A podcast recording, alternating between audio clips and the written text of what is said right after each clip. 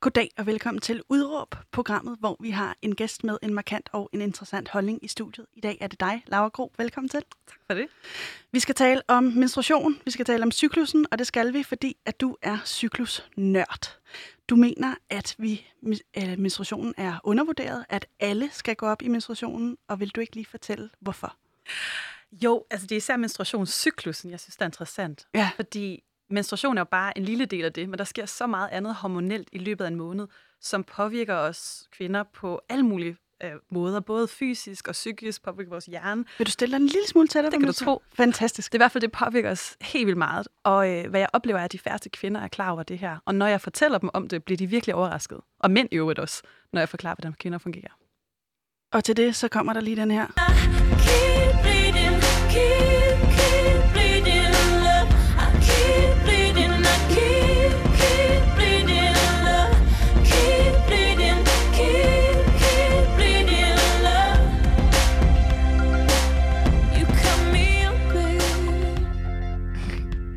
Ja, det er jo, det er jo på alle måder et uh, juicy emne, vi skal tale om i dag. Øhm, hvorfor er det ikke kun øh, folk, som bærer en livmor, der skal gå op i den her cyklus, som, som kvinder øh, oplever? Altså fordi, at man kan sige, at vi bliver alle sammen påvirket af øh, en kvinde, der har en cyklus. I hvert fald også, hvis man er i parforhold med en kvinde, der har en cyklus, kan det også give rigtig god mening at forstå, hvorfor det er, at vi forandrer os. Øh, og vi kan have, opleve verden på forskellige måder. Cyklusen er lidt som sådan et hormonelt filter, som øh, skifter farve øh, en, hver anden eller hver uge. Altså vi øh, går igennem forskellige faser, kan man også kalde det, eller man måske som kvinde kan føle sig som fire forskellige kvinder. Så øh, når, når både vi forstår det, og andre forstår det omkring os, så bliver det ligesom meget nemmere for det første at rumme at være kvinde, men også vide, jamen, hvordan, skal jeg, øh, hvordan kan jeg bedre være en partner, eller også øh, kommunikere med den her person, som, som, øh, som oplever verden forskelligt, alt efter hvor hun er i sin cyklus. Og øhm, er, det, er, det, er det kun øh, altså i heteroseksuelle, for, eller heteroseksuelle forhold, eller er det også øh, arbejdsgiver, der skal være opmærksom på, at kvinder har den her øh, cyklus? Det er et rigtig godt spørgsmål, og det er sådan lidt kontroversielt. Jeg, har vild, jeg kunne vildt godt tænke mig at lave en business case en dag, hvor jeg tog en virksomhed og prøvede at lære alle kvinderne at synkronisere deres arbejdsliv til cyklusen, og man så måske kunne måle det. Jeg er jo egentlig sådan tidligere business øh, øh, studerende og sådan. Øhm, jeg tror ikke, der findes det studie, så jeg kan ikke sige, om det kan gøre en forskel. Og jeg har haft diskussion med nogle kusiner på et tidspunkt, det her med, om det måske er lidt for kontroversielt, om man lige sådan om, du skal ikke lige snakke med Bente, hun har det røde lige i dag, altså det kunne godt blive sådan lidt underligt. øhm, så, så jeg har ikke taget det så meget ud på arbejdspladserne. Den måde, jeg i hvert fald, når jeg snakker med kvinder om det, så er det mere, okay, hvordan kan jeg selv optimere mit liv? Og vide, okay, jeg er i den her fase med cyklus, jamen så lader jeg måske være med at lægge den her opgave, eller holde det der møde lige der, eller jeg timer lige den her præsentation, eller lønforhandling på det tidspunkt. Så, så indtil videre er det stadig nok, det er jo stadig et privat ting, og jeg, det er ikke fordi, jeg synes, vi skal ud og råbe, at nu har jeg menstruation, og det skal alle på arbejdspladsen vide. Men, men at have bevidsthed med som kvinde kan gøre en forskel for dit arbejde, er i hvert fald min oplevelse. Okay, hvor er det spændende. Øh, inden vi dykker helt ned i, hvordan du er startet, vi, jeg skulle lige til at sige, at vi tager et hovedspring ind i menstruationen, øh, men inden vi lige dykker ned i, hvordan øh, din rejse med menstruation er startet, vil du så ikke lige fortælle, øh, du har forberedt en quiz til mig? Det har jeg nemlig. En menstruationsquiz. ja. Og jeg vil ønske, at vi kunne få en eller anden øh, fed jingle på her, sådan noget underlægningsmusik, og jeg har prøvet at lege lidt med noget Kahoot, øh, så alle Mm. lytterne kunne være med også. Øh, det er ikke lykkedes, men øh, jeg tænker, at øh, vil du sige en, en, en, øh, en lyd, når jeg gør noget rigtigt, eller en lyd, når jeg gør noget forkert, eller hvordan øh, får Ja. vi det her struktureret? Skulle det være sådan lidt i den ånd? Sådan, jeg ved ikke, hvordan Ej, jeg, jeg, jeg, jeg har lyst til, at du skal sige sådan en ding-lyd, men jeg ved ikke, om Okay, jeg kan bare sige ding. Ding, eller... Jeg ved hvad jeg skal finde på. Ja, ding. Ding, det, ding, det er, når jeg gør det rigtigt, og så Okay. sætter jeg nogle streger i mellemtiden. Ja. Er det ikke? Skal vi gøre det sådan? Lad os gøre på den måde, ja. Skide godt. Øhm, du øh, fyrer den af, og jeg Ja. står klar, øh, uden at have læst sindssygt Ja. meget op på, øh, på de spørgsmål. Og du har Jeg- heller ikke set mine spørgsmål. Overhovedet ikke. Ja, det første, det er egentlig sådan helt generelt. Hvad er menstruation egentlig? øh, det er øh, slimhænder, som livmoren presser ud. Ding, vil jeg faktisk sige. Yes, det er i hvert fald en, en, en slimhinde. Livmorslimhinde kalder man den. Der er en slimhinde. Ja, som, som, hvad kan man sige, der er i hvert fald nogle stoffer, der gør, der får musklen til at trække sig sammen på en måde, så vi begynder at udskille den her slimhinde. Men det interessante synes jeg egentlig også, at, at hele grunden til, at vi har den, det er faktisk, fordi vi har ægløsning. Så man burde egentlig også kalde det en ægløsningscyklus, fordi at det, det er den, der er divaen. Men menstruation er sådan, ligesom et biprodukt af, at vi ikke blev gravide den måned. Øh, siger jeg det helt forkert, hvis det er øh, altså det æg, man spiser fra hønen, Ja. Er det ikke hønens menstruation? Det har jeg aldrig tænkt over. Øhm, ja, det ved jeg simpelthen ikke, om man kan, man kan sammenligne Nej, de alright. to. Men, men det, er, så. det er et ret interessant spørgsmål. Undskyld, jeg Yes, nej, dig nej, midt, i, øh, midt i quizzen. Jamen, spørgsmål nummer to, det er altså på hvilken dag i cyklusen forekommer ægløsning? Ej, øh, øh, pas. Altså, det ved jeg ikke. Well. Ja. det, er. det er faktisk et trickspørgsmål, fordi den forekommer ikke på nogen fast dag. Okay. Så det var et snydspørgsmål, okay, fordi fedt at nok. den kan flytte sig. Ja. Øhm, når man sådan snakker om altså, cyklusen, jamen, så vil det cirka være midt i, men for nogle er det på dag 12, nogle på dag 14, nogle på dag 16. Så, så den var lidt svær. Okay, fedt nok. Ja. så, det, så jeg var ikke, øh, jeg blottede ikke en, en fuldstændig Nej, uvidenhed her. nej, det var egentlig et trickspørgsmål. Perfekt. Ja, spørgsmål nummer tre. Har mænd en cyklus? Nej. Det har de faktisk, men de har ikke menstruationscyklus, for de har, i og med, at de ikke har menstruation. Men hvis mm. man skal sammenligne de to, så har de mere en dagscyklus styret af testosteron. Og det vil altså sige, her er det så, at testosteron er højst om morgenen, og så falder det langsomt i løbet af dagen. Så, så, så man kan sige, det er den ene jeg kan man sige, cyklus, som så gentager på samme måde hver dag. Så på den måde ligner mænd så hormonelt set sig selv hver dag, hvor kvinder vi ligesom har en hel måned. Øhm, men testosteron kan også blive påvirket af rigtig mange ting, om man er gift, om man har børn, om man har set en attraktiv kvinde den dag. Så på den måde er mænd egentlig mere uforudsigelige, fordi at vi ikke ved lige, hvor deres testosteronniveau nødvendigvis er.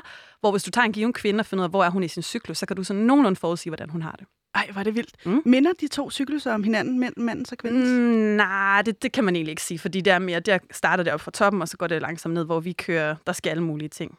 Okay. Øh, hvor vi har de her fire faser. Jeg, jeg tror ikke, man kan sige, at der er fire faser i løbet af sådan en dag. Måske, men så vil det se anderledes ud. Altså, du refererer til de her fire faser, fordi det er dem, Ja. der er i kvinders cyklus. Ja, det er i hvert fald en måde, man kan fortolke kvinders cyklus på. I, I realiteten er der kun to begivenheder i en cyklus. Der er menstruation, og der er ægløsning. Mm. Men så er der overgangen imellem. Mm. Så hvis man vil kigge på det medicinske, jamen, så, er der, så er der to faser. Mm. Men rigtig mange øh, af dem, der nørder det her, ligesom mig, vi kan godt lige kigge på det som fire faser, fordi det forklarer rigtig godt, øh, hvordan det, hvad der sker. Og øh, ja, det giver bare rigtig meget intuitiv mening at sammenligne med årstiden også. Så det er sådan en måde at sammenligne det hele på. Ski, det er godt. Øhm, det var tre spørgsmål ud af fem, ved jeg. Ja, det øh, næste, den er også lidt interessant, det er at synkronisere kvinders cykluser, når de bor tæt på hinanden. Ja. Og det er faktisk, øh, det var faktisk ikke helt rigtigt. Eller hvis du spørger en hver kvinde, så vil de nok sige ja. Øhm, men da jeg læste i hvert fald en bog engang, så sagde øh, forfatteren Marty Hazelton, hun sagde, hvis vi kigger på det sådan statistisk set, så, eller det er egentlig ikke det, der sker, men det er sådan rent øh, sandsynlighed eller tilfældighed, at det sker. Så jeg tror, vi ved ikke nok om det. Muligvis sker der noget imellem os, at vi sender signaler ud, så vi, vi jeg har i hvert fald oplevet mange, der siger, de flytter sig. Mm. Jeg har for eksempel en kvindelig roommate, og vi er totalt modsætninger. Når jeg har menstruation, har hun ikke løsning. Okay. Men da vi startede med at flytte sammen, så begyndte vores cyklus at flytte sig. Så, så man kan ikke sige, at de bliver sådan, de følger hinanden, men vi ved ikke nok, og måske, måske sker der noget mellem os. Det er fald det, jeg har læst mig frem til. Ej, hvor er det øh, interessant. Det Mm. var jeg simpelthen ikke klar over. Det var jeg fuldstændig overbevist om, faktisk. Det er de fleste. Vil, øh, Men ifølge hende er det i hvert fald en myte. okay, øh, jeg sætter en streg ved forkert herover hos mig. Ja, desværre. Men den er også svær. Og jeg har den sidste. Ja. Har man en menstruationscyklus, når man er på p-piller eller hormonspiral? Eller en anden hormonel øh, præventionsform? Nej, vil jeg sige. Den er også svær. Altså, vi mangler et mellemsvar. Sådan en, Den er Okay. lidt... ja, det er måske forkert så. Øh, Ah, det kommer fuck. an på, er svaret. Fordi nogle kvinder har stadig deres menstruationscyklus, hvor andre ikke har. Mm. Øh, mange på hormonspiral oplever stadig at, at gå igennem den, men øh, der, altså p-pillen er egentlig for eksempel designet til at skulle lukke ned for ægløsning. Øh, men der er stadig nogen, der oplever at, at, at have de her forskellige faser, at have ægløsning, men stadig ikke kan blive gravid. Okay, både cyklusen og øh, prævention kommer vi ind på senere, så øh, hvis man synes, det her er interessant, og ligesom mig har en hel del at lære, så kan man øh, roligt blive hængende. Før vi lige øh, dykker ned i det, så kunne jeg godt tænke mig lige at spørge dig, øh, Laura, hvordan har din rejse ind i øh, øh, menstruationsverdenen været? Altså, hvordan den har været, så har den i hvert fald været ret vild og fantastisk. Men det der sådan... Det der sådan, jeg anede overhovedet ikke, at jeg skulle sidde og arbejde med det emne. Altså, hvis du havde spurgt mig for 10 år siden, var det nok det sidste, jeg havde regnet med. Fordi min, mit liv startede sådan set et helt andet sted. Jeg er uddannet på Handelshøjskolen, både i København og i Aarhus. Jeg øh, sad i sådan en projektlederstilling og, og, og virkelig sådan knoklede derud af. Men så, så det, der så sker for rigtig mange, jeg gik, jeg gik ned, simpelthen ned med stress, og rigtig, rigtig voldsomt ned med stress som 27-årig. Og den øh, sygemelding gjorde jeg sådan, ligesom hele mit, mit fundament faldt sammen under mig, så jeg havde brug for at finde mig selv igen, så jeg tog på sådan en lang dannelsesrejse, sådan total eat, pray, love til Asien og Bali og Thailand. ja. Og, øhm, Og så et par dage, jeg skal rejse hjem fra den rejse, hvor jeg i øvrigt har mødt masser af mennesker, der laver alle mulige spændende ting, så var der en workshop omkring menstruationscyklusen. Og jeg tænkte, jeg kunne godt lide underviseren. Jeg tænkte, vi, vi ser, hvad det er. Og så var det sådan, da jeg sad der på det der varme gulv i det her studie, øh, yoga-studie, så var det sådan, som en eller anden, et eller andet lys, der blev tændt, hvor jeg tænkte, hvorfor har jeg ikke hørt om det her før? Hvorfor er der aldrig nogen, der har forklaret mig, hvordan min kvindekrop fungerer? Og hvorfor er det egentlig, at menstruationscyklusen er noget, jeg skal holde så hemmeligt, som vi ikke tør snakke med hinanden om? Men jeg troede, det er nok bare mig, der ikke ved det her. Så da jeg kom hjem til Danmark, og jeg deler det med veninder og min søster, så var de sådan, fandt ud af, at de ved det heller ikke. Og det er jo sådan en fem års tid siden, hvor jeg tænkte sådan, Nå, men så, så begynder jeg at læse mere om det. Og så fandt jeg ud af, at der gemmer sig alt det her information derude. Jeg nørdede simpelthen ned. Jeg var sådan en tid af 12 så jeg gik helt amok i information. Og, øh, og så begyndte jeg at dele det. Begyndte at holde foredrag, og kunne ikke lade være med at fortælle folk om det. Og nu er det blevet simpelthen mit livsvej. Hvordan havde du det øh, med, med menstruation før øh, den her rejse? Altså, jeg var en af de sidste i min klasse, der fik min menstruation. Jeg var 16 år, fordi jeg havde tabt mig omkring 10 kilo, da jeg var teenager. Så, så jeg kan huske, at jeg sidder ved et rødt bord med sundhedsplejersken i folkeskolen, og alle, og så siger sundhedsplejersken, I har jo alle sammen fået menstruation, ikke også? Og jeg sidder der sådan, nej, det har jeg ikke. Og jeg var så ked af det. Jeg ville så gerne have min menstruation. Ja, det var sgu rimelig cool, altså. Cool. altså at få menstruation tidligt. Ja, ja, vel, det var i hvert fald, jeg var uden for en klub, og Ja. jeg ville gerne vide, hvad det hele handlede om. Så på den måde startede jeg egentlig med faktisk at være rigtig nysgerrig på det. Men så kan jeg huske, da jeg så fik det, så var det sådan lidt noget, man skulle gemme, og man skulle skjule, og, og helst ikke tale for meget om. Jeg synes, det var meget pinligt, at det her med at købe bind og sådan nogle ting. Og, og så tror jeg også, jeg, jeg tror ikke engang, jeg ville fortælle min kæreste om det. Det var, sådan, det var meget hemmeligt. Øhm, og jeg gik jo selvfølgelig også på p-piller og minipiller, og det synes jeg bare var fedt, ikke at have min menstruation, der var på minipiller. Så jeg havde egentlig et meget distanceret forhold til det her. Det var derfor, det overraskede mig så meget, at, at jeg nu sidder og snakker om det hver dag. Og hvorfor er det, at det skal, øh, øh, om man vil, ud af trussen og øh, ind i offentligheden, øh, den her menstruationscyklus? Jeg synes, at det er en slags uddannelse i, hvordan vi fungerer, men et område, der er blevet meget glemt. Øhm, vi ved rigtig meget om kroppen, men menstruationscyklusen har været noget af alle mulige årsager. Man kan finde på alle mulige forklaringer. Og noget. På en måde også kvindeundertrykkende, at vi ikke vil snakke om cyklusen, hvor jeg tænker nogle gange, hvis, hvis det var mænd, der havde menstruation, så havde vi nok, så var det noget powerful noget at have en øh, menstruationscyklus, måske. Så jeg synes, at hvad jeg kigger på det meget som, det er, at det er egentlig bare øh, en måde at forstå os selv bedre, og både også, man kan faktisk også bruge cyklusen til at håndtere stress, så der synes jeg faktisk, det er et ret vigtigt øh, værktøj. Det kan jeg komme ind på senere, hvordan man gør. Øhm, men jo mere vi forstår os selv bedre, jo, jo mere kan vi øhm, jeg vil sige, rumme os selv øh, som kvinder, og, og forklare os til omverdenen, hvordan vi har det. Øh, ja, jeg synes egentlig, det er en, det er en slags oplæring, som vi er gået lidt øh, glip af, fordi at vi har det så svært ved at tale om det. Og øh, der skyder du lige ind i mit næste spørgsmål, fordi hvorfor er det, at vi skal tale om det? Øhm, øh, jamen, jeg synes, at det er... Det undrer mig, at det er så, så svært at tale om. Og så alligevel ikke. Fordi... Ja, hvad vil jeg svare på det? det hvorfor synes jeg, vi skal tale om det? Jamen, jeg synes, at, øhm, at der, er mange, der ligger mange facetter i det, mange muligheder, som... Øhm, ja, som vi som kvinder kan... Ej, nu tror jeg, jeg kører ud af en eller anden tangent. Jamen, det, det, må du, det må du endelig.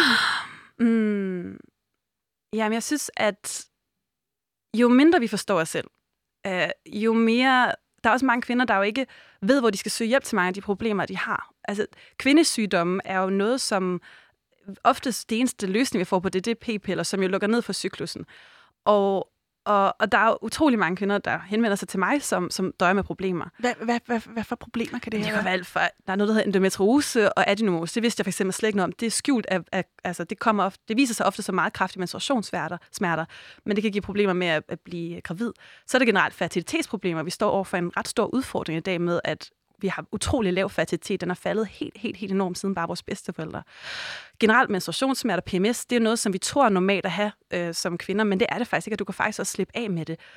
Øh, Men alt det her, der er ofte for at vide, at du behøver ikke have en cyklus, og du kan bare tage p-piller for det.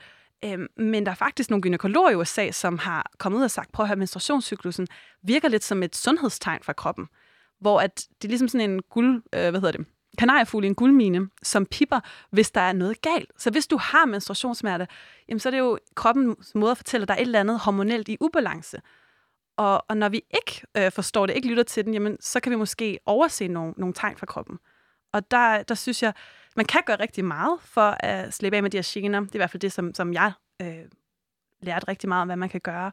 Så, så en del af det hele til sådan det fysiske helbred, og så synes jeg, så er der også det her med, hvordan man så bruger den aktivt som værktøj, som jeg også synes er vildt spændende, at det her med, at der er på nogle tidspunkt, hvor du er endnu bedre til at... Perf- altså, jeg, jeg holdt en fest i lørdags, og en af mine veninder, hun er sådan helt op at køre, og har det helt vildt fedt, og hun er sådan flirtende, og så siger jeg til hende, Lise, har du ikke lyst til Hun er sådan, gud, ja, det har jeg.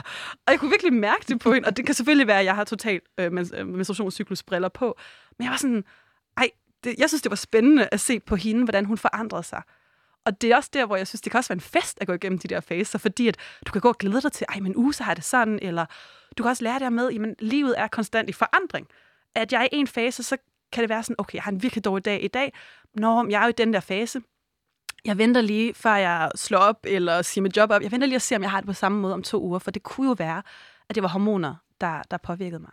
Okay. Mm. Øhm, hvordan har du oplevet? Du har, du er begyndt at tale enormt meget om menstruation i offentligheden. Hvordan har du oplevet at gøre det? Jeg tror, i starten var det en overvældelse for mig selv, fordi det var en rebranding af mit image som 12-talspige, CBS'er. Og nu, i... du, når du siger dit branding, så er det ikke øh, det, det, det branding, du Nej, står nej, sælger. nej. Det er, Nej, det er sådan det, hvordan du forstår dig selv. familie og venner, og det var jo lidt grænseoverskridende at gå ud og sige, nu skal jeg undervise i det her menstruationscyklus. Jeg ved ikke, hvad min far sagde til det, men det var sådan, jeg var sådan, nu gør jeg det. Fordi det var et tabu, og jeg er stadig bevidst om, at det er et tabu. Så der er sådan helt personligt, så skulle jeg lige, øh, okay, nu gør vi det her. Og jeg oplever det stadig. Jeg kan huske, at jeg startede i et kontorfællesskab, hvor jeg, jeg tænkte, Nå, nu skal I høre, hvad jeg laver. Jeg underviser i menstruationscyklusen, og jeg tænkte, at de ville synes, at jeg var sådan lidt underlig. Men det fandt ud af, at det var faktisk mega cool. Der havde vi nogle meget interessante frokoster, hvor jeg sad og forklarede om det her. Så, så jeg fandt ud af, at der var også noget cool i det. Øhm, men det, jeg oplevede, det var faktisk enormt stor efterspørgsel på det her. Det kom fuldstændig bag på mig. For det første, jeg, stillede mig, det start, jeg startede bare med at holde foredrag. Mm. Stillede mig op i lånte diverse yogastudier og holdt gratis foredrag om det her. Og der var jo udsolgte pladser hver gang. Så gik jeg online, og jeg husker, jeg lavede en Facebook-annonce for mit første webinar øh, i 2017 i januar. Og jeg tænkte, "Nå, vi prøver det her.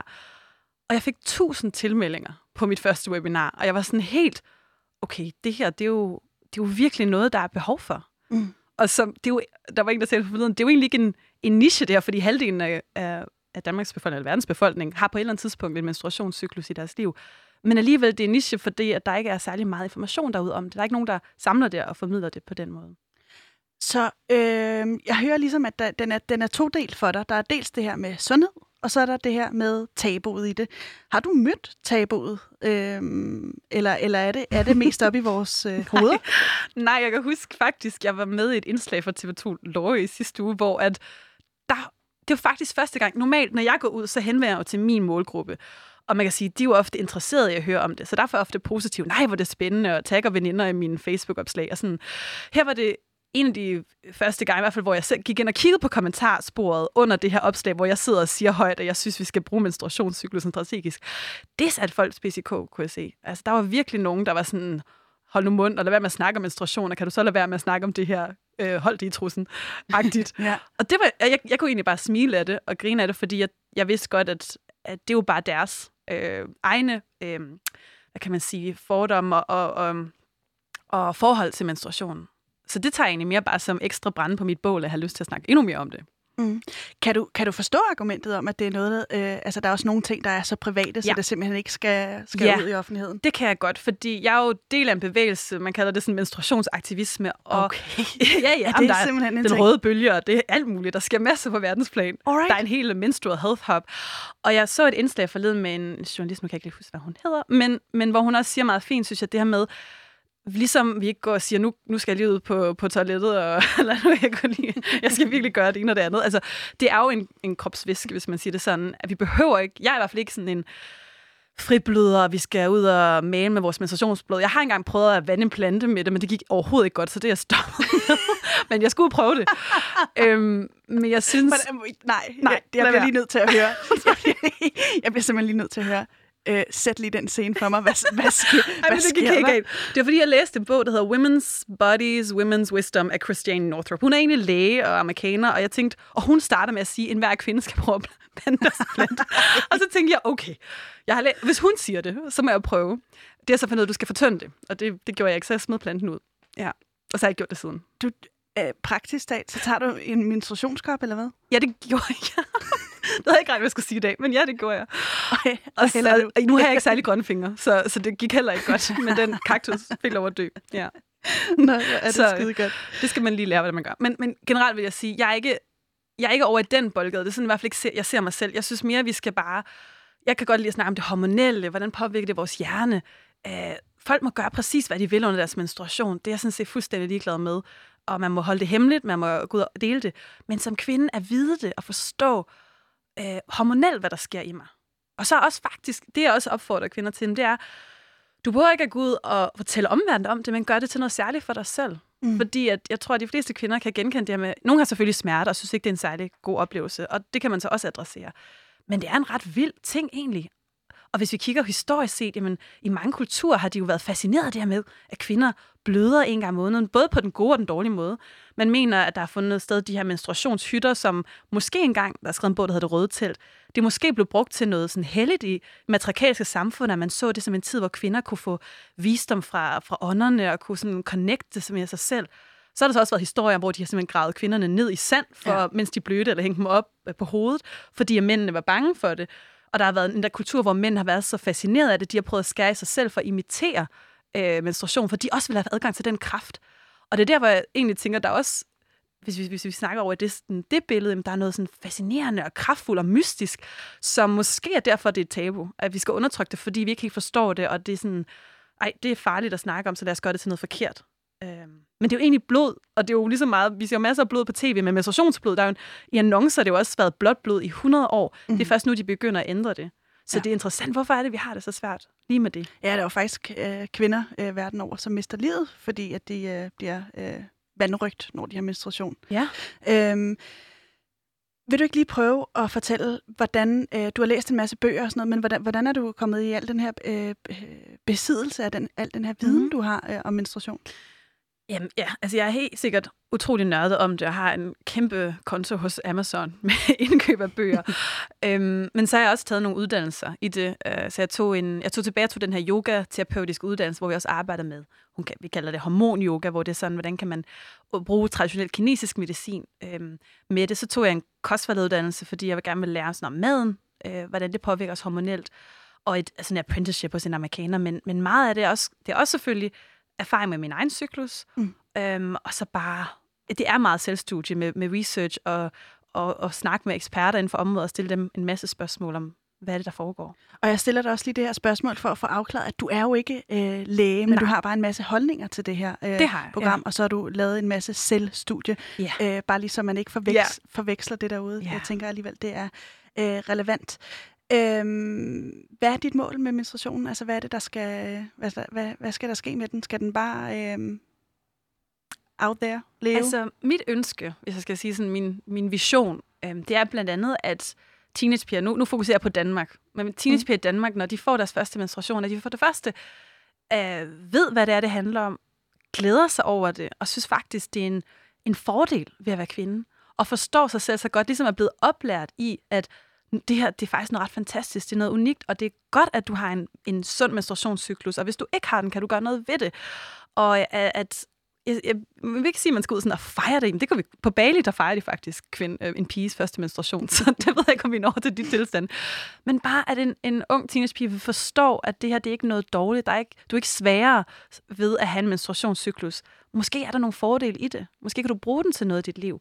Altså, det tænker det her med, med at bruge den strategisk og vide, jamen, hvornår øh, i min cyklus får jeg de her, jeg- man kan også kalde en slags superkræfter. I hvert fald, at vi, vi på nogle tidspunkter har, øhm, det er i hvert fald noget, der tyder på, altså det her med, når vi har ægløsning, så svarer det jo lidt til, nu hopper jeg lidt ind i de fire faser, men, men det svarer lidt til, at vi er i brunst faktisk, hvis man skal sammenligne det med dyr. Og der sker der mulige ting. Altså din stemme bliver lysere, din hud bliver pænere, du bliver mere flirtende ofte. Forskning viser også, at du går mere i sådan, øhm, Øh, hvad kan man sige, mere afslørende tøj. Altså du er mere klæder dig anderledes, du spiser mindre. Det svarer jo til, at, at du, du, øhm, din duftesans forandrer sig. Der sker bare alle de her mulige spændende ting, fordi at du er øh, i brunst eller har æglysning her. Og ja, der er selvfølgelig en biologisk øh, øh, årsag til det, det er, så vi kan tiltrække den rette partner. Vi er også tiltrukket af forskellige personer. Oh, jeg, jeg, Ja. jeg, jeg bliver nødt til lige at holde dig øh, Ja. lige ved den der, fordi det, det glæder mig sindssygt meget Ja. til at tale om. Først vil jeg lige sige, øh, hvis du lige er hoppet ind i programmet, så kan jeg fortælle dig, at du lytter til programmet Udråb, hvor vi hver dag har en gæst med en markant og en interessant holdning i studiet. I dag øh, er det dig, Laura Grob. Øh, herover på den anden side af bordet, der står jeg, Pauline Kloster. Øhm, vi har lige talt om det overordnede med menstruation, og hvorfor det er, vi skal interessere os for netop menstruation og kvinders cyklus. Øhm, nu kunne jeg godt tænke mig, at vi netop hoppede ind i cykluserne. Ja. Vil du ikke lige overordnet set, hvis man lige tager den helt store paraply, paraply frem, hvad er det så, der sker? Ja, så er der to begivenheder. Mm. De fleste af os kender menstruation. Det er den, vi kan se, vi kan opleve. Men der er en anden begivenhed, som er lige så vigtig, hvis ikke vigtigere. Faktisk vil jeg sige, den er vigtigere, og det er ægløsningen. Fordi at hvis du ikke har ægløsning, så er det heller ikke rigtig menstruation, du har. Og hvis du ikke har ægløsning, danner du ikke de hormoner, som danner menstruation. Så der er de her to ting, der sker. Men må jeg lige spørge Ja. ja. øh, Fordi alle kvinder har vel, øh, eller der er jo nogen, der ikke har menstruation. Men mm-hmm. Mhm. hvis man har en livmor, så har man i, i udgangspunktet menstruation. Også selvom man er på p-piller, er det ikke rigtigt? Nej, så hvis du er på p-piller, vil de fleste opleve ikke at have ægløsning. Og hvis du ikke har ægløsning, så har du ikke menstruation. Så det man, den blødning, kan man så sige, man har på p-piller, det har slet ikke noget at gøre med menstruation. Det er en, det er en, en p-pille-blødning, det er en, man kalder det en bortfaldsblødning, fordi du simpelthen bare stopper med at tage øh, pillerne. Så det er bare en hormonel ændring, der gør, at du så udskiller øh, livmorslimhinden. Fordi når du er på p-piller, så bliver din hormonniveau kunstigt forhøjet. Så, så det er egentlig ikke, det har ikke noget at gøre med menstruation, fordi du ikke har ægløsning. Så det er ægløsning, vi hele tiden skal kigge på. Det er den, der er sådan divaen, der er den interessante her. Okay. Nå, men tilbage til, Yes. yes. til, Ja. ja. til på sporet. Nu fik jeg lige det slået, slået Nej, men på det er plads. helt fint. Så vi har de to begivenheder, menstruation og ægløsning. Og så kan man sige, så er der overgangene imellem dem. Og det er der, hvor hvis man skal tolke på det, eller skal bruge det som et værktøj, så, så kigger man på det som fire forskellige faser. Og jeg tror, den nemmeste måde at forstå det på, er at sammenligne med de fire årstider. Mm. Så hvor at menstruation vil svare til vinteren. Her er alle hormonerne, øh, det er tre hormoner, der spiller en særlig rolle her. Der er også andre, men, men de, de, de interessante er østrogen, testosteron og progesteron. Og de er alle sammen på et lavt niveau. Du udskiller ja, østrogen, progesteron og testosteron. Jeg skal nok nævne dem igen. Du udskiller simpelthen din, din livmorslim hen her, så det er sådan ligesom sådan en vinterhi, du går lidt ind i, og er måske lidt træt, og lidt sådan, ej, jeg har ikke lige lyst til at være ude og give den gas, nu skal jeg bare være hjemme. Så kommer man ind i foråret. Det, der sker i den fase, fra mellem menstruation og ægløsning, er, at østrogen stiger. Og østrogen bygger både livmorslimhinden op, som bliver menstruation senere, men den påvirker også vores hjerne. Den gør os mere, øh, den stimulerer serotonin og dopamin, så vi bliver sådan udadvendte, optimistiske, tænker, at det hele skal nok gå. Jeg er faktisk ret glad for, at jeg er faktisk lige i den fase lige nu. Nå, sådan. Uh, det er et godt tidspunkt at komme ind her. Øh, men vi ofte er sådan lidt mere, hvis det går galt, nå ja, det klarer vi. Ingen problemer. Jeg skal fortælle dig, fordi vi kommer senere til en anden fase, hvor tingene vil slå lidt hårdere. Ja. Men efter foråret, hvor vi ligesom vi spiger, vi kommer ud og ser verden på ny, solen begynder at skinne igen, så kommer vi til sommeren. Det er så det, jeg nævnte lige før, ægløsning, brunst. Nu er det bare fireworks, der sker rigtig mange ting, og vi har lyst til at være ude, vi har lyst til at flirte. Alt muligt. Det er mega interessant. Vores sexlyst bliver højere, på grund af blandt andet testosteron, der piker nu. Og derefter kommer vi så ind til efteråret, og det vil sige, nu kommer det her hormon, som ikke spiller en rolle i de tre andre faser. Nu kommer progesteron. Og progesteron kalder man også for gravidhormonet, for det er det, der, kommer, det er det, der stiger kraftigt, hvis du bliver gravid. Så det er ligesom om kroppen tager forskud på en graviditet nu og gør dig mere træt, mere indadvendt, du spiser mere, du bliver også mere sensitiv. Nogle af de ting, som, nu har jeg ikke selv prøvet at være gravid endnu, men nogle af de ting, som ofte vil ske på det tidspunkt. Så, så, så det er lidt mere efterårsagtigt, der er lidt sådan mere storme, og du kan have lidt PMS, der kan ske alle mulige ting. Og så kommer du så hen, hvis du ikke er blevet gravid, kommer du så hen til vinteren igen og starter forfra. Alright. Og øh, hvis vi lige tager dem sådan lidt, øh, lidt slavisk, fordi nu har du lige øh, tegnet sådan et overordnet billede af det. Øh, jeg kunne godt tænke mig at høre, øh, lige tage den øh, fra menstruationen igen. Mhm. Eller er det måske dumt? Burde det være ægløsningen? Jeg plejer at starte menstruation, fordi det er den, de fleste af os kender. Ja, Så den, det er ret den er let at navigere ud fra. Ja, det er den eneste fase, du er helt sikker på, hvornår er. Fuldstændig. Ja. Øhm, hvad er det, du mener, man skal gøre øh, anderledes som kvinde i den her fase? Øh, Under menstruation? Ja. Altså, det jeg helt klart vil opfordre til, det er at skrue lidt ned for tempoet, ambitionerne og farten, som de fleste af os, tror jeg, i dag, inklusive mig selv, har i vores liv. Så det er en oplagt tid til at slække lidt på kravene. Øh, uh, gøre det, man har lyst til, plejer jeg at sige. Gå lidt i hi. Så at man, det, der jeg vil understrege, det er, at vi kan, ligesom tror jeg, Tampax reklamer siger, vi kan jo alt på alle tidspunkter i vores cyklus. Det er ikke, fordi kvinder ikke kan det samme. Men vi kan jo lige så godt ride på de her bølger og udnytte, hvornår vores, vores, vores force er stærkest. Så jeg vil sige, menstruationen, giv dig selv tid. Om det er, hvis du, jeg plejer ofte at købe takeaway, lægge mig på sofaen, aflyse min aftale, hvis jeg har lagt nogen, hvis nu min menstruation ikke lige kommer, det jeg regnet med. Øhm, og bare prioritere sådan lade op tid. Og det er jo faktisk ret fantastisk, at vi som kvinder har en periode indbygget i løbet af en måned, hvor vi har tid til, vi har, hvor vi er designet, eller i hvert fald har godt af at lade op. Fordi så, det glemmer vi nogle gange, og det er der, vi nogle gange brænder ud, fordi vi glemmer den her, vi glemmer lidt at gå i vinterhi. Jeg har ikke øh, stødt på nogle arbejdspladser, hvor, øh, hvor man får fri. Øh, hvordan, hvordan hænger det her sammen med, øh, med arbejdspladser og det samfund, vi lever i? Altså, synes du, at samfundet bliver, burde blive indrettet efter den her cyklus? At, Jeg synes, og det kunne være interessant at se, hvis vi gjorde det. Og der findes faktisk øh, nogle lande, hvor at man må holde fri under menstruation. Jeg mener, det var i Japan, der er også nogle virksomheder i England, der gør det. I Italien var faktisk politikerne ude at sige, skal vi ikke give kvinder lov til at holde fri under menstruationen? Og det var også fremme øh, her, men det, det er ikke på samme måde været fremme her. Altså, mm, det er et godt spørgsmål. Jeg, jeg tror ikke, at vi kan... Der vil være, og det, som vi snakkede før, det er også ret kontroversielt, hvis, hvis halvdelen af arbejdspladsen lige forsvinder en gang om måneden. Særligt, hvis menstruationen er synkroniseret. Ja, præcis. Øhm, så jeg vil sige, jeg, jeg tror ikke, jeg vil gå så vidt og sige, at vi skal gøre det. Så jeg, jeg bliver nok mere hjemme på kvindens banehalvdel og siger, okay, du, hvis, hvis du kan lave, hvis du har et arbejde, hvor du kan arbejde hjemmefra, måske prøv til at gøre det der, hvis, hvis du kan. Eller ikke, hvis du kan planlægge selv, hvor møderne ligger, jamen prøv at lægge lidt færre opgaver der. Bare lige skrue bare, nogle gange bare 5% ned. Eller give dig selv lov til lige at tage en, lidt flere pauser, eller gå tidligere fra arbejdet, eller hvad end der stresser dit liv, lad være med at gøre det her. Øhm, bare om det er den første dag i din menstruation. Nogle gange bare det kan faktisk gøre en forskel. Så jeg, jeg tror ikke, vi... Det, jeg, jeg tror, det kunne være spændende, hvis nogle arbejdspladser faktisk begyndte at gøre det her. Jeg, jeg har en, en uh, tese om, jeg, jeg vil elske at lave business case på det, men jeg har en tese om, at det faktisk kunne gøre kvinderne meget mere produktive, hvis de fik lov til at lige få et, en hviledag eller to. Men vil det ikke også give arbejdsgiverne en mulighed for netop at forskelsbehandle? Det er jo så det, og det er jo der, hvor det så bliver ja, kontroversielt, og hvor at jeg ved ikke, om det kan lade sig gøre i praksis. Nej. Øhm, så, og, det, det, og det er jeg egentlig ikke sådan en stor fan af, at jeg skal forskelsbehandles eller diskrimineres. Øh, fordi så kan man sige, hvad med mænd? Skal vi ikke også have en dag, bare fordi... Eller, øh, Ja. Ja. De skal måske sove lidt længere om morgenen, eller det. Jeg ved ikke, hvordan de det i fungerer. dagen. ja, så, så jeg, jeg tror ikke i praksis. Øh, jeg tror mere på, at altså, kvinden selv finder ud af at lære sin egen krop at kende, finde ud af, hvordan får jeg mere energi. Men jeg synes generelt, at vi lever i et samfund, som meget opprioriterer øh, forårs- og sommerfasen, og at vi som kvinder forventer, at vi hele tiden skal være performer, vi skal hele tiden kunne det samme hver eneste dag og levere det samme. Og det er det, jeg synes, der er den store misforståelse, fordi når en kvinde har en cyklus, så kan hun ikke, eller jo, hun kan godt, men, men det er rigtig hårdt at være på samme måde hver eneste dag, når du faktisk er fire forskellige kvinder i løbet af en måned.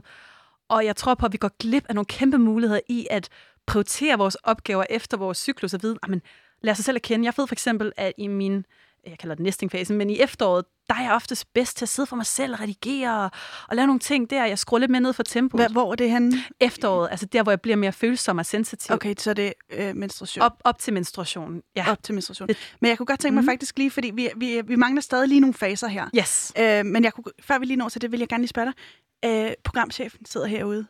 Burde jeg gå ud og sige til ham, øh, jeg, jeg, har, øh, jeg er altså i efterårsfasen lige i øjeblikket. Jeg er lidt low på energi. Altså, er det, er det noget, jeg skulle sige til ham?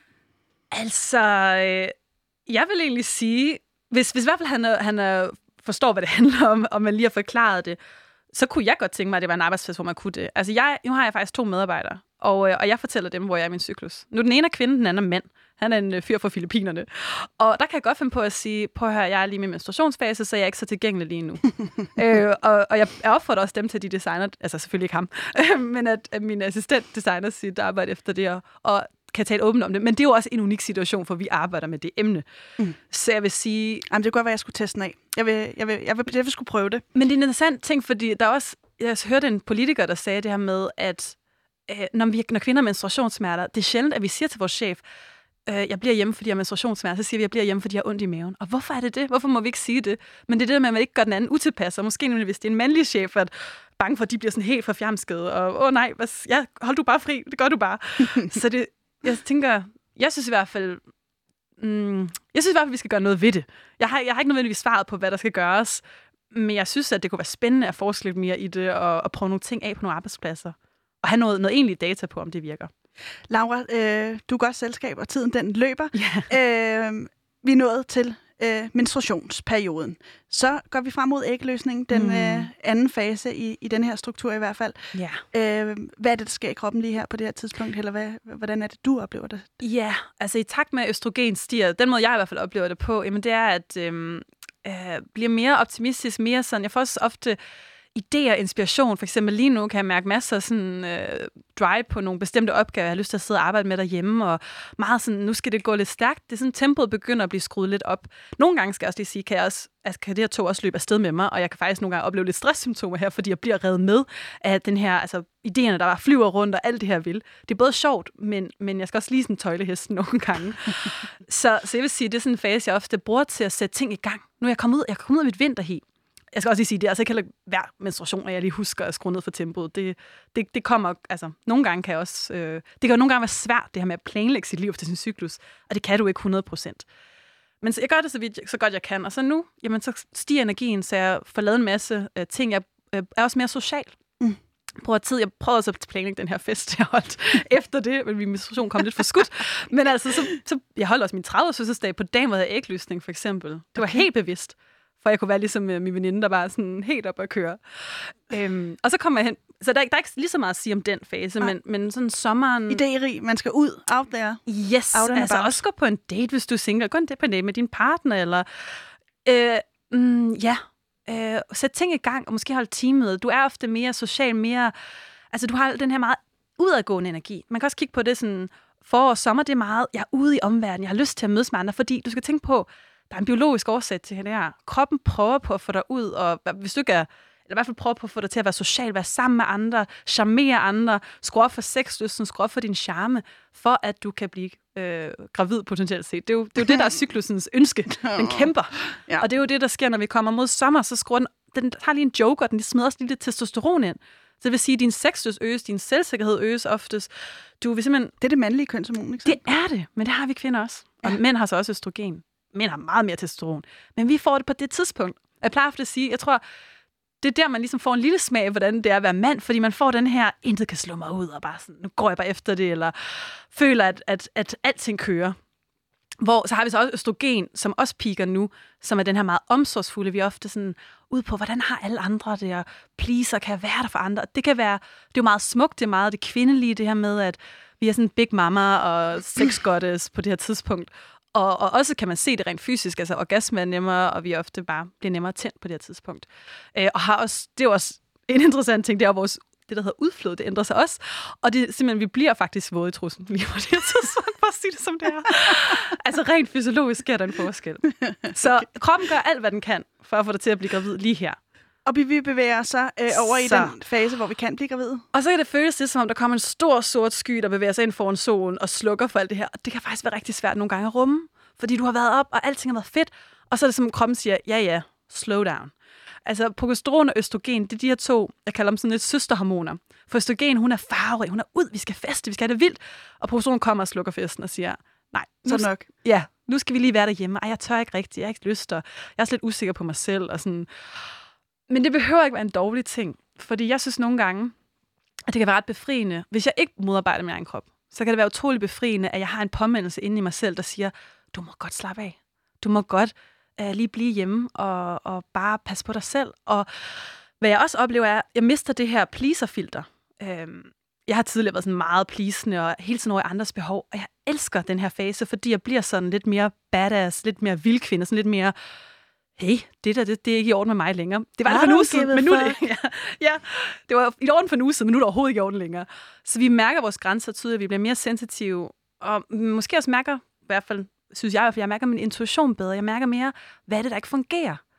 Og det betyder ikke, at vi kan opføre os som bitches her og være mega strenge for vores partner eller kolleger, men mere, at det er ligesom om, vi mærker meget tydeligere, hvor går min grænse.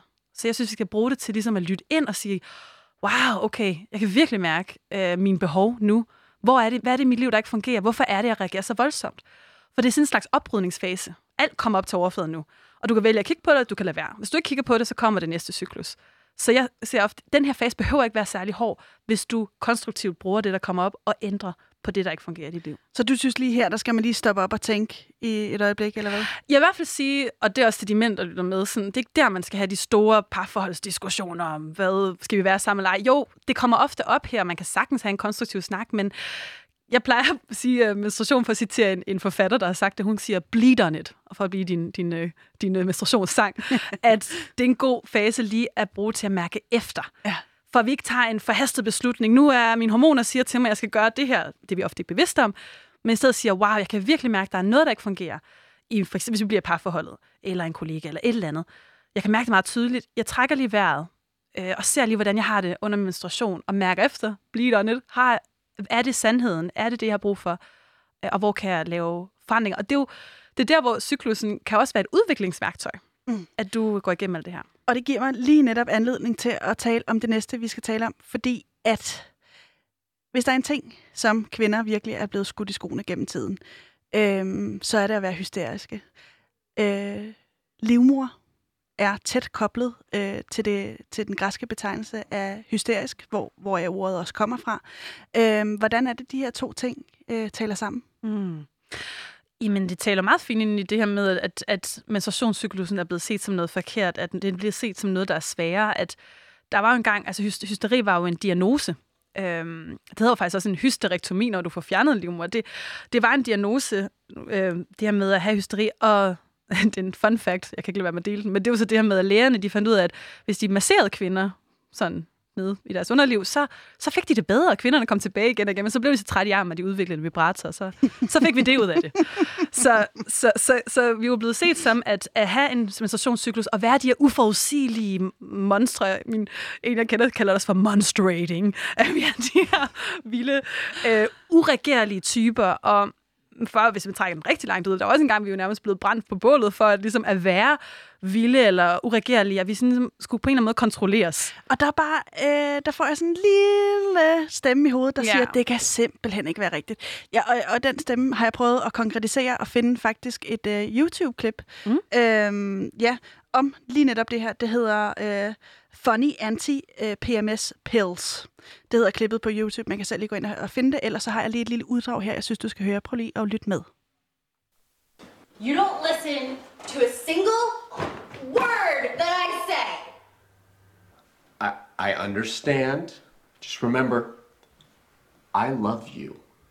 No! If you really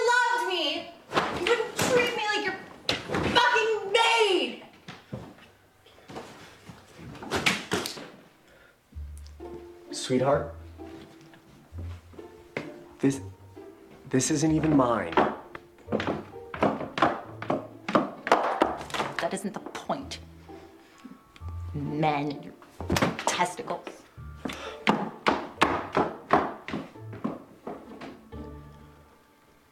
Look, I I understand that you're just a little um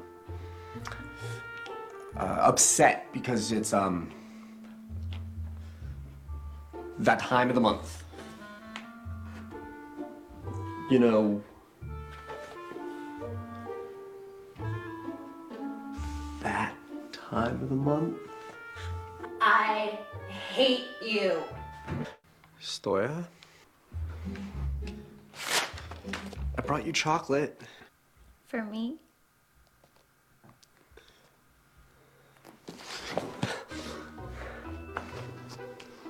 Thank you.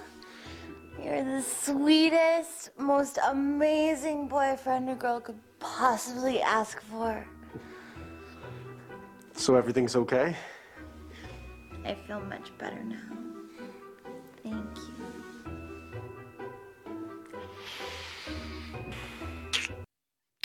det lykkelige kys til sidst, efter øh, at øh, den her øh, øh, præmenstruelle fase, altså lige inden menstruationen, øh, er i kvinder, som er meget, meget kendt. Altså, jeg har da i hvert fald hørt min far sige det adskillige gange, om det er det, der sker.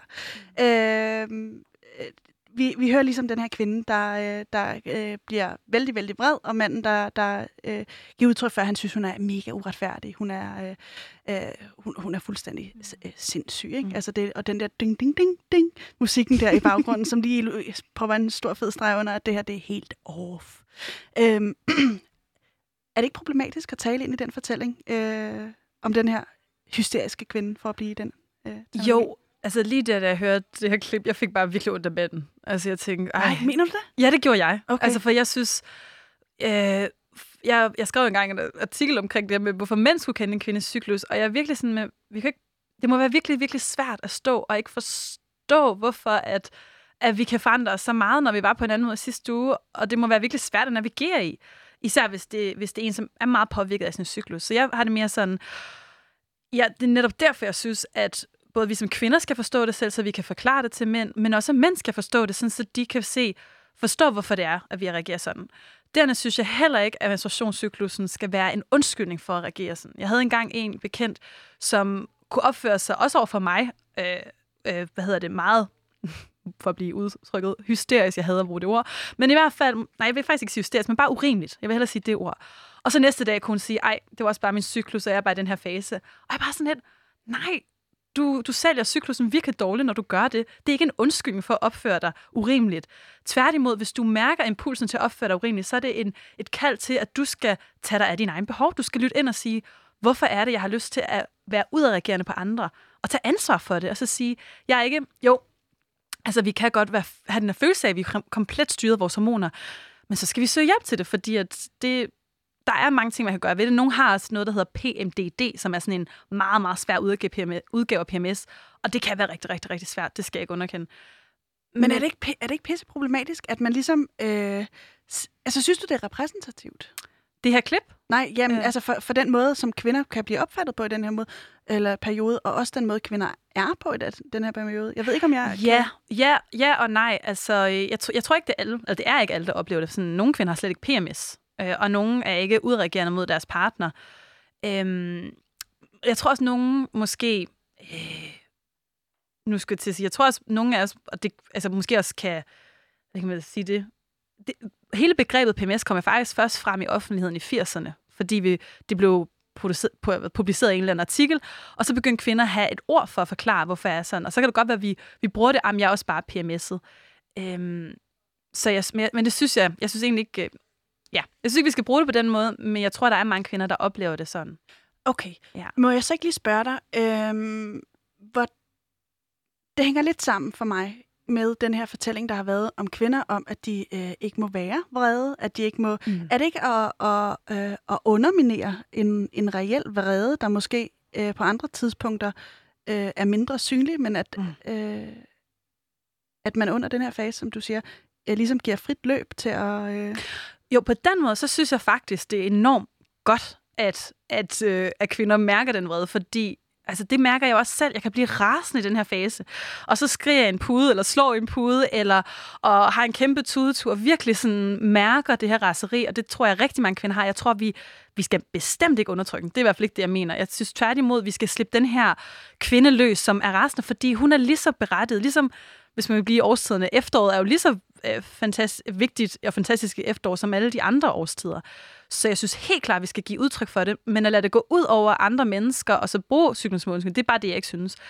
Men der ligger, jeg nu arbejder meget med, sådan med følelser og selvudvikling, og vreden er jo utrolig powerful, en utrolig powerful kraft afmonterer man den så ikke? ved, at Ved at, ved at give skylden til, til, til hormonerne? du bruger den i hvert fald ikke konstruktivt. Den konstruktive måde, vil jeg sige, det er at mærke den tydeligt og finde ud af, hvad er det, der ligger under vreden, for der ligger altid en følelse under den. Er det, er det fordi, at jeg ikke føler mig set i mit parforhold? Er det fordi, at der var den her kollega, der fik en forfremmelse, og nu går jeg og spreder det ud? Og så er det jo, at det faktisk bliver negativt, og også at vi kvinder bliver set som de her måske passiv-aggressive, der, der, er, der er urimelige og sådan.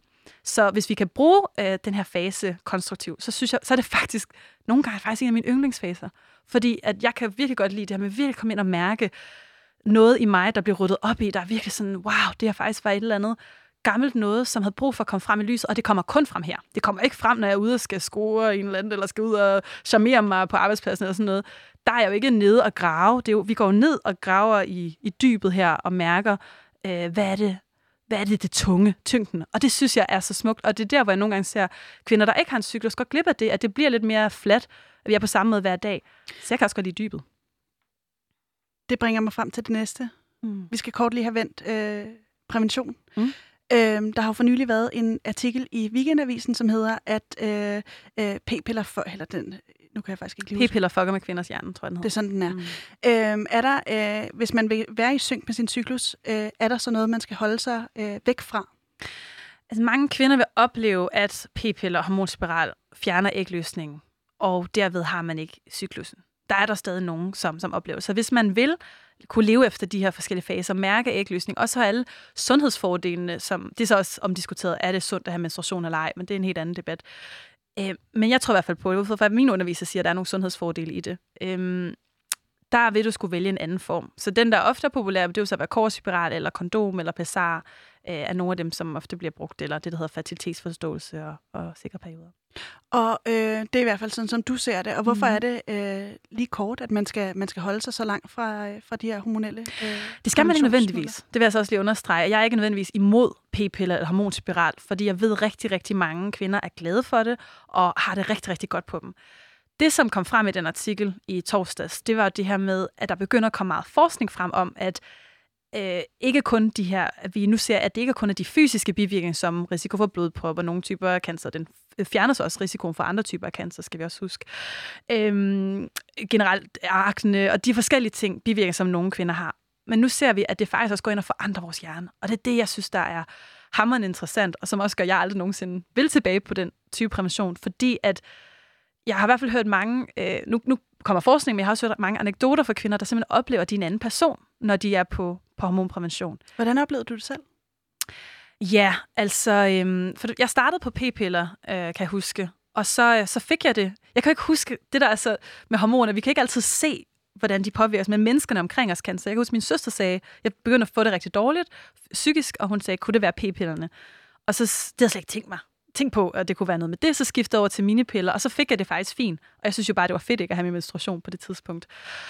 Øhm, det, der kom frem i den her artikel, og den bog, som øh, artiklen er baseret på, This is your brain on birth control, det er, hvordan at, at øh, hormonprævention, når vi tilføjer hormoner, går det faktisk også ind og påvirker vores evne til at navigere i stress. Vi har noget, der hedder sådan en, kalder det HPA-akse, og den faktisk, kan man se på kvinder, der er på p-piller, den ligner en person, der er kronisk stresset. Det er faktisk den øh, stressprofil, vi får. Det betyder ikke, at vi ikke kan mærke og sanse stress, men, men, men, men vores kortisol, vores stresssystem er simpelthen så overbelastet. Og jeg ved ikke, jeg kan ikke gå ud og lave et studie med mig selv, men jeg ved ikke, om det er derfor, men jeg, jeg gik i hvert fald ned med stress, da jeg var på, på, på mine piller. Og nogle gange kan jeg godt tænke over, kan jeg vide, om de også lukkede, lukkede lidt ned for, for min evne til at, eller i hvert fald gjorde, at mit stresssystem, eller mit øhm, hormonsystem var så ekstremt overbelastet. Jeg ved det ikke, men det er min egen tanke, bagtanke. Det er din egen tanke. Mm. Og Laura, øh, det er jo, det er jo øh, dine holdninger. Mhm. Øh, og øh, øh, hvad synes du, at man skal gøre som kvinde, hvis man gerne vil komme i synk med denne her øh, cyklus? Uh, jamen, jeg synes, at man skal starte med, uh, man kunne for eksempel starte med at det her med at, at lære om, om de her forskellige faser. Nu har man måske hørt det her program. Uh, jeg har sådan en cyklusguide, sådan bare en pdf, hvor jeg opsummerer alt det, jeg lige har stået og sagt, og mere til. Så kan man begynde at, at tracke sin cyklus, altså kortlægge sin cyklus, altså simpelthen skrive ned, hvordan har jeg det hver dag, for at forstå, hvordan er lige præcis min cyklus. Og hvis man selvfølgelig ikke er på en, øh, har en cyklus, jamen så er det så øh, relevant, at hvis man gerne vil prøve det her, altså finde en anden præventionsmetode, hvis det er det, der stopper øh, cyklusen, finde en metode, hvor man så har det. Kunne det også være, øh, eller det jeg vil spørge, hvis ansvar er det her lige, lige kort? Ansvar for, ikke, hvilken- hvad siger du? Kvinderne tager selv ansvaret for, for deres cyklus. Ja. Øh, men, men, og det er sådan, det lige bliver ved med at være for nu. Ja. Øh, eller hvad? Øh, altså, hvem der tager ansvar for at lære om en cyklus, tænker du på? Det, jeg tænker, det er, øh, kvinder tager lige nu ansvaret for, at deres cyklus skal passes ind. Skal det også lægges over i arbejdsgiverne? For eksempel. Jeg tror, hvis nu man har en arbejdsplads kun med kvinder, og man som chef er nysgerrig på det her, øh, så tror jeg da godt, man kan pitche det ind og, og, og, og dele det og høre det om det, men det kunne også give noget... De har jeg har ikke tænkt så mange tanker omkring det her, fordi, det kunne, fordi at, øh, jeg har ikke lige bevæget mig ind på det område. Jeg har nogle gange haft lyst til at gå ud og undervise i virksomheder omkring det her, men så har jeg tænkt, jeg tror ikke, tiden er moden til det. Eller jeg i hvert fald at, så det, det, der stoppede mig, er, at det her det er for, måske for kontroversielt, fordi at så blander vi det private og det professionelle. Så indtil nu har jeg holdt mig til at undervise kvinder privat i det her, hvordan de selv kan gøre det.